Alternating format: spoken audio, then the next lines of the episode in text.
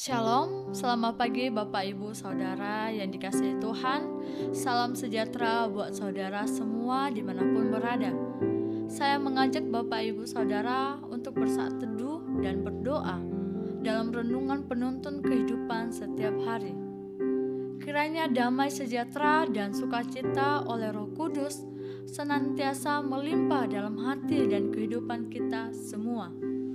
Tema kita pada hari ini adalah kedewasaan rohani. Dalam Korintus 13 ayat 11. Ketika aku kanak-kanak, aku berkata-kata seperti kanak-kanak. Aku merasa seperti kanak-kanak. Aku berpikir seperti kanak-kanak. Sekarang, sesudah aku menjadi dewasa, aku meninggalkan sifat kanak-kanak itu. Menjadi dewasa rohani tidak diukur secara seberapa umurnya dan seberapa lama kita menjadi orang Kristen atau pengikut Kristus. Tetapi orang yang dewasa rohani di dalam Tuhan adalah orang yang tahu membedakan mana yang baik dan mana yang benar.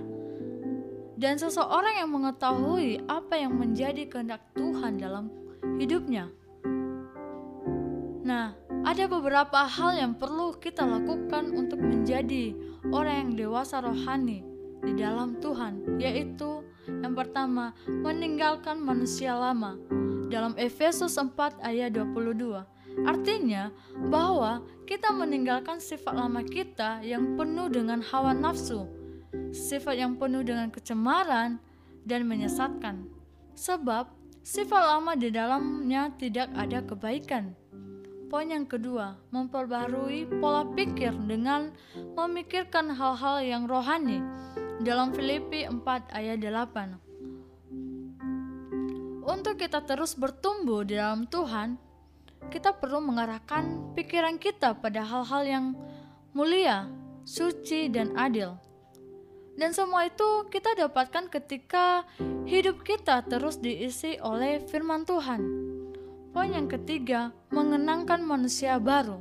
Dalam Efesus 4 ayat 24. Artinya bahwa kita sebagai orang Kristen yang sudah ditebus oleh Yesus Kristus, kita mengarahkan hidup kita untuk hidup dalam kebajikan, kekudusan, dan membelagun persekutuan dengan Tuhan.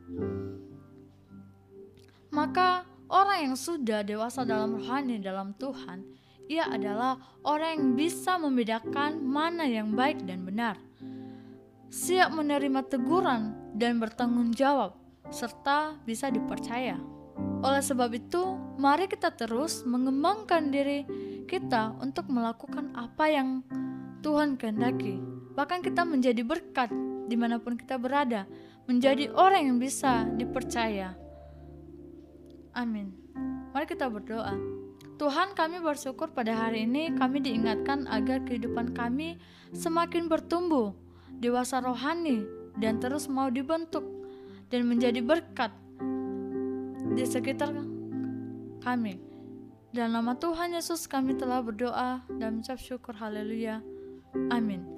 Kiranya berkat yang sempurna dari Allah Bapa kita, kasih karunia dari Tuhan Yesus Kristus, dan persekutuan yang indah dengan Roh Kudus menyertai kita semua dari sekarang ini dan sampai selama-lamanya. Maju terus dalam tuntunan Tuhan, tetap semangat. Sampai jumpa esok hari dalam penuntun kehidupan setiap hari, dan Tuhan Yesus memberkati.